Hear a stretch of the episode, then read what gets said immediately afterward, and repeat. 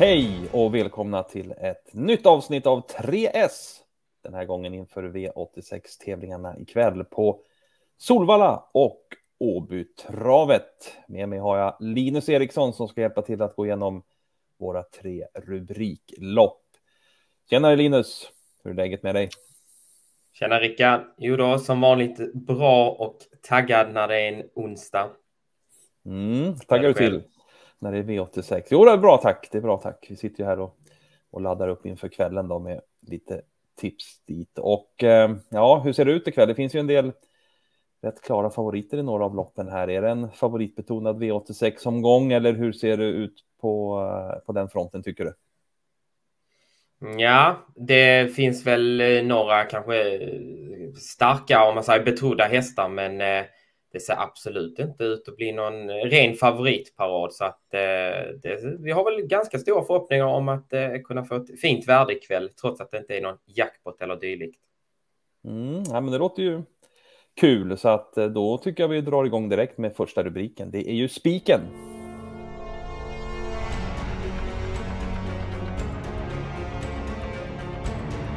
Vi ska faktiskt eh, ta och inleda med spiken då och det gör vi direkt i den första V86-avdelningen och där har vi hittat ett, ett spikbud.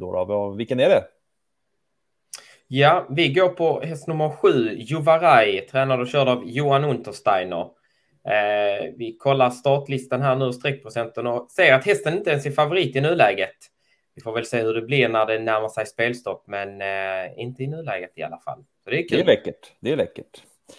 Så ska det vara. Men jag ser att Juvaraj inte har startat i år. Och vad har du för rapporter att eh, berätta om Juvaraj? Nej, precis. Han gör ju eh, comeback eller årsdebut här. Men det är fina rapporter från Stall Untersteiner som låter så där härligt nöjda som de kan göra inför eh, en comeback. Säga ska att hästen har eh, blivit kastrerad här under uppehållet och det verkar ha fallit mycket väl ut enligt dem då. Så att det är en väldigt spännande start här. Låter bra det. Uh, hur uh, ser det ut här med lite löpningsscenario och så där? Han har ju spår 7, det är ju en bit ut bakom startbilsvingen här. Ja, precis. Men när man ska tänka på det, det är en spårtrappa så att eh, man blir ju lottad ut efter hur mycket pengar man har sprungit in då sett till, eh, sett till andra i loppen. Och de här loppen brukar oftast ha en, eh, en klar statistisk fördel att starta lite längre ut, för då har du ju tjänat mer pengar än de invändigt. Dessutom så kan Juvaraj öppna ganska bra från start. Han är ingen blixt, men han kan öppna snabbt och eh, om man kollar på segern som han tog här i, i maj förra året eh, på V86 så hade han just spår långt ut. Han hade spår 8 då sökte sig framåt och eh, ja, han lyckades inte ta ledningen för det var en vässelsnabb Hindi Heikan som var invändigt. Men eh, dödens bekom han inte den gången och vann på ett mycket imponerande sätt. Den här gången låter det som att man är sugna på att ladda framåt eh, direkt. Och av det jag har fått känsla av när jag har pratat med de eh, aktiva som har hästar invändigt är att de flesta låter rätt sugna på att släppa faktiskt. Kanske just med att det är open stretch på Åby. Kommer Juvaraj till ledningen och han är som han ska och rapporterna stämmer då, då, då slår de inte den här. Ja, det låter ju starkt. Det är i alla fall en häst som ska ses med eh, bättre segerchanser och segerprocent än vad han är spelad till i nuläget. För när vi spelar in det här då är han 17 procent. Så att eh, helt klart så ser det ut som att segermöjligheterna ska vara större än så då. Ja, men det tycker vi verkligen. Det finns ett värde säkert upp till 35 procent på honom här. Vi lägger väl i lite brasklappen då att man inte har sett han på banan. Det, även om rapporter är goda så vill man ju ändå kanske ha den synen själv också. Men eh, nej, det, det, är den mest kapabla hästen i fältet. Det kan bli ledningen och eh, som sagt, stämmer rapporterna så, så, blir det, så får de svårt att plocka ner honom. Bra, då har vi spiken avklarad. Det är alltså sju Juvaraj i V86.1 och det är alltid fint att ha en spik direkt i inledningen.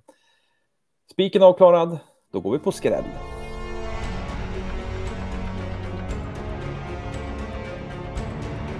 Då har vi skräll och det är i V86 3 som är skrälloppet där faktiskt tre Ninjas Boy är rätt klar favorit. Eh, ska vi säga något om Ninjas Boy till att börja med då? Mm, det är vårt tips detta i loppet. Eh, en väldigt högkapabel häst här som ja, han vunnit nästan varje gång han eh, går felfritt. Men eh, tyvärr har han ju en tendens att inte göra det särskilt ofta. Han har galopperat hela 18 av eh, 27 starter. Men eh, vunnit som sagt 8 av 10 de felfria. Ja, det, det gör ju att man, man har ju... Ja, felfri är det bra chans, men som sagt, det är inget att lita på och eh, skulle han göra bort, bort sig då osade skräll här. Ja, är det en häst som är osäker i starten eller kan Ninjas Boy galoppera lite när som helst i loppen? Ja, grejen är ju den att eh, han har ju många gånger tagit, iväg, tagit sig iväg från start och till synes helt omotiverat kunnat galoppera lite var som helst i loppen. Så att det verkar inte finnas någon eh, någon eh, tydlig punkt där han är mer känslig än, eh, än något annat. Så att eh, ja, även om han klarar starten så hade jag inte känt mig helt säker som spelare om jag sitter med ett singelstreck på Ninjas Boy.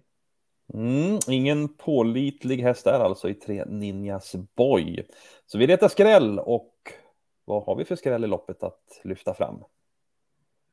Ja, sträckmässigt är det en häst som sticker ut här som känns väldigt intressant ikväll. Det är häst nummer 10, Midnight Special gjort två starter här i år. Satt fast med, ja, till synes allting sparat i årsdebuten. Senast var en trea bakom Alert Vendil och King of Greenwood som startar några lopp senare och som klar favorit. Fick då tredje invändigt på de här. Det blev tyvärr inget tempo på loppet och gick väldigt fort i slut och hästen hängde med bra men pressades inte alls och kom ändå i mål då som trea som sagt på eh, och jag hade e-, en 11,5 sista 800. Eh, för Midnight Specials del så är det ganska bra papper då, den, då det inte är någon tvärspidig häst utan eh, men jag gillar när det blir lite, lite tempo på det hela och han kan eh, hålla farten på ett bra sätt. Så att eh, ja, det, det, det, ser riktigt eh, spännande ut för Midnight Special här om nu favoriten Ninjas Boy gör bort sig. Mm, och som sagt, Ninjas Boy var ju inte att lita på, kan galoppera lite när som helst. Så att det låter ju väldigt kul på 10 Midnight Special då visade ju sist också att 2640 meter funkar bra. Är det det som är skrällen i loppet? Ja, det är framför allt han, men sen har vi ju that's, 8 That's It också som vann ju på Solvalla här senast. Det är ju många nästa gånger som vann då. Eh, blir inte så hårt betrodd idag heller. Lite lurigt med startryggen, men skulle det lösa sig för honom så kan även han vara ett eh, mycket intressant streck till nuvarande procent. Mm. Fick ni Två härliga lågprocentare där i V86 som inte får missas. Som alltså är skrälloppet. Då ska vi gå vidare till att leta fram en häst som är blivit alldeles för hårt betrodd i omgången. Så att nu kommer chaset.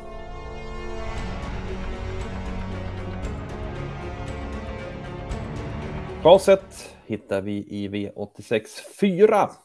Och det är också häst nummer 4, Sanella. En häst som startat på i Italien och nu ska göra debut för Daniel Redén. Vad kan du berätta om det här stoet då? Mm, det är ett sto från Italien då som eh, har visat bra fart där nere. Eh, kan öppna eh, riktigt fort bakom bilen. Kort distans brukar också vara ett plus för de italienska hästarna. Så att eh, ser man bara till eh, hästen och eh, förutsättningarna så såg det ganska bra ut till en början, men eh, tolkar man eh, eller ska man utläsa vad Daniel Redén sa inför start så blir vi väl inte lika imponerade eller övertygade om att det här är en bra favorit. Nej, vad, vad säger han då? Nej, han eh, säger ju det vi, vi kan säga i lopparkivet att det är en snabb häst. Eh, men eh, hon är faktiskt köpt för att bli fölmer. Och eh, så jag antar att det, det kanske inte har varit läge att, eh, eller haft en långsiktig plan att starta henne direkt. Och eh, hon har dessutom bara varit hos Daniel i drygt en månad, eh, vilket gör att hon kanske inte riktigt har hunnit komma in i hans sätt att träna. Så svårt att säga hur mycket Daniel Redén-träning hon har i sig. Eh, hon har dessutom visat lite vassa tendenser och eh, tränat mycket i rygg, vilket gör att eh, det är lite osäkert hur Örjan ska lägga upp det här. Skulle han välja att fortsätta på den vägen och, och köra henne i rygg då, eh, då måste det ju lösa sig såklart och eh, det vill man väl kanske inte ha på en eh, så här pass klar favorit. Nej, så att eh, där har vi chaset. Fyra Sanella, alldeles för hårt betrodd här för våran smak. Då. Vad har vi annars att bjuda på i det här loppet? Då? Vad tror vi mest på här då? då? Ja, sett till hur procenten ligger nu så kommer vi eh, tro mest på, eller vi kommer gå på eh, tre Hazy Shades of Winter som eh, tipsetta. Eh, har gjort några starter här nu från Jörgen Westholm. Sett jättefin ut i dem. Visade strålande form senast när hon, visserligen i ett överpejsat lopp, men ändå stod för en jättefin sport från efter körresa. Hon är startsnabb, hon trivs i ledningen och som vi var inne på innan så låter det som att Daniel tycker att Sanella är bäst i ryggar. Så att, kan det bli Hazy Chase of Winter i spets och äh, hon blir nog inte lätt att plocka ner då. Mm, det låter ju riktigt bra. Kanske kan vara en eh, alternativ spik där i omgången möjligtvis. Ja, vi får se lite hur vi lägger upp det här i sista minuten. Det får man väl in och kika på, men eh, viss fundering på det har vi. Mm. Men en bra, bra segerchans i alla fall får vi säga att det är då för tre Hazy Shade of Winter. Ja, men då har vi gått igenom de här rubrikloppen vi ska ha i detta program och landade i spik direkt i V86.1 i nummer 7, Juvarai.